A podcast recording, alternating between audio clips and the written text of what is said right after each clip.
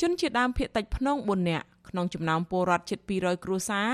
រស់នៅភូមិពូឡុងសង្កាត់រមនីក្រុងសែនមនោរម្យកំពុងកើតទុកមិនសុខចិត្តចំពោះការរំលោភយកភ្នំចំនួន2គឺភ្នំទ្រីងនិងភ្នំពពែមានទំហំជិត20ហិកតា ដែលជាកន្លែងខ្វៀលគោក្របីព្រៃអារក្សដីចំការវិលជុំនិងដីសមូហភាព អ្នកភូមិថាពួកគាត់មិនហ៊ានលើកគ្នាទៅតវ៉ានិងដាក់ញត្តិទ្រង់ទ្រាយធំនោះទេខ្លាចក្រែងរំលងបំរាមរបស់ក្រសួងសុខាភិបាលទប់ស្កាត់ជំងឺ Covid-19 ក្រុមពលរដ្ឋទាំងនោះអះអាងថា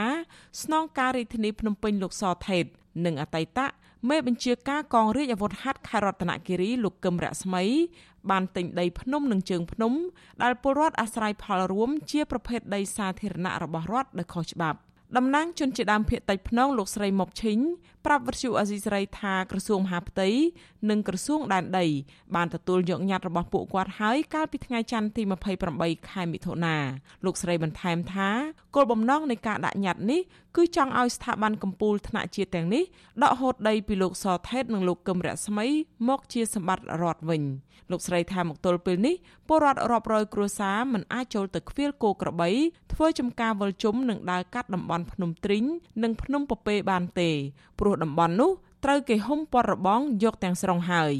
លើសពីនេះផ្ទះសហគមន៍6ខ្នងដែលអ្នកភូមិរួមគ្នាសាងសង់ត្រូវបានគេដុតកំទេចចោលហើយបច្ចុប្បន្នអ្នកមានអំណាចទាំងនេះកំពុងសាងសង់សំណង់រឹងនិងផ្ទះលំហែកាយទីមួយប៉ះពាល់ទៅលើការចិញ្ចឹមសត្វ ដោយថាកន្លែងវាលហ្នឹងសម្រាប់ឃ្លគោក្របីហើយភ្នំហ្នឹងសម្រាប់គេសែនប្រៃអរិយអ្នកតាផងហើយខាងជើងភ្នំហ្នឹងទៀតសម្រាប់ធ្វើស្រែចម្ការវល់ចំអញ្ចឹងទៅពេលគាត់លក់អញ្ចឹងដូចឥឡូវហ្នឹងគាត់បិទលបងចិត្តអញ្ចឹងគោពួកខ្ញុំក៏ដោយហើយសម័យតែខ្លួនពួកខ្ញុំចង់ដើរលេងលើហ្នឹងក៏គេអត់ឲ្យដែរគេបិទផ្ទះពួកខ្ញុំធ្វើនៅលើភ្នំហ្នឹង5 6ហើយគេដុតចោលទាំងអស់ តំណាងជនជាដើមភាគតិចរូបនេះបន្ថែមថាកន្លងទៅមានពលរដ្ឋ3នាក់បានខົບខិតគ្នាលក់ដីសមរភាពរបស់អ្នកភូមិជិត20ហិកតាទៅឲ្យលោកសថេតនិងលោកកឹមរស្មីដោយខុសច្បាប់ ពីព្រោះដីតំបន់នោះគឺជាដីសាធារណៈរបស់រដ្ឋដែលជនជាតិដើមអាស្រ័យផលរួមលក្ខណៈប្រពៃណីតាំងពីដូនតាមកលោកស្រីថាដីភ្នំទាំងនេះគឺជាឆ្នាំងបាយរបស់អ្នកភូមិរាប់រយគ្រួសារផ្ដល់ប្រយោជន៍ធំធេងហើយប្រសិនបើបាត់បង់ទៅពួកគាត់នឹងគ្មានទីកន្លែងចិញ្ចឹមគោក្របីនិងធ្វើស្រែចម្ការចិញ្ចឹមជីវិតទៀតទេវត្តជូអសីស្រីមិនអាចសុំការបំភ្លឺរឿងនេះ ពីអតីតមេបញ្ជាការកងរាជអាវុធហត្ថខេត្តរតនគិរីលោកកឹមរស្មីនិងស្នងការរាជធានីភ្នំពេញលោកសថេតបានឡើយទេនៅថ្ងៃទី29ខែមិថុនាដោយទូរស័ព្ទហៅចូលតែគ្មានអ្នកទទួល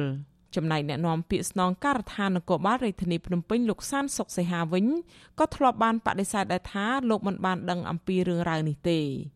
កាលពីចុងឆ្នាំ2020ជនជាដើមភាគតិចភ្នងជិត300គ្រួសារបានផ្តិតមេដាយរួមគ្នា ស្នើឲ្យអាជ្ញាធរខេត្តមណ្ឌលគិរីទប់ស្កាត់ការទិញដីភ្នំដែលជាទ្រព្យសម្បត្តិសាធារណៈរបស់រដ្ឋដោយខុសច្បាប់សំណើនេះធ្វើឡើងក្រោយពីពួកគេរកឃើញថាមានភ្នំចំនួន3និងអូរមួយកន្លែងស្ថិតនៅក្នុងភូមិពូឡុងត្រូវបុគ្គលមានអំណាចរំលោភបំពានទាំងស្រុងរហូតមកដល់ពេលនេះគ្មានដំណោះស្រាយនោះឡើយវិទ្យុអាស៊ីសេរីមិនអាចសុំការបំភ្លឺរឿងនេះ ពីអភិបាលខេត្តមណ្ឌលគិរីលោកស្វាយសំអៀងបាននៅឡើយទេនៅថ្ងៃដដែលនេះព្រោះទូរស័ព្ទហៅចូលតែគ្មានអ្នកលើកទោះជាយ៉ាងណាមន្ត្រីពង្រឹងសិទ្ធិអំណាចសហគមន៍មូលដ្ឋាននៃសមាគមការពារសិទ្ធិមនុស្សអាត់ហុកលោកប៉ែនប៊ុនណាបញ្យល់ថាដីភ្នំ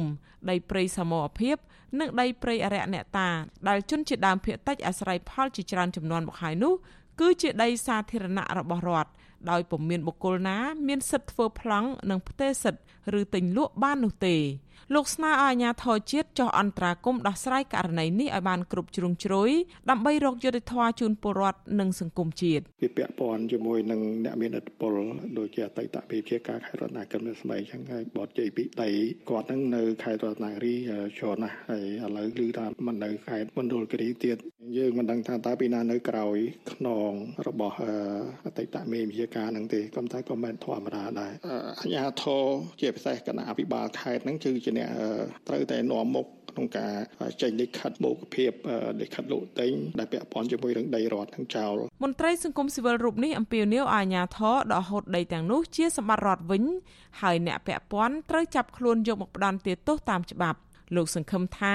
ក្រសួងមហាផ្ទៃនឹងដោះស្រាយសំណុំរឿងនេះដោយយុត្តិធម៌ដើម្បីសង្គ្រោះសម្បត្តិធម្មជាតិនិងសម្រាលទុក្ខវេទនារបស់ជនជាតិដើម ស្របតាមការបដិញ្ញាចិត្តរបស់រដ្ឋាភិបាល។ កាលពីចុងឆ្នាំ2020កន្លងទៅរដ្ឋមន្ត្រីក្រសួងមហាផ្ទៃលោកសខេងបានត្អូញត្អែថា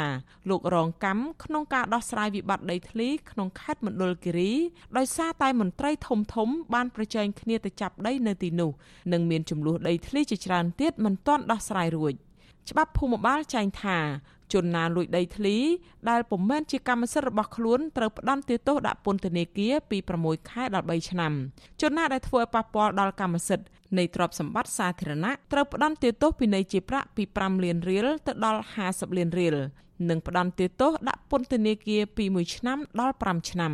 ចា៎នាងខ្ញុំខែសុណងវិទ្យុអាស៊ីសេរីរាយការណ៍ពីរដ្ឋធានី Washington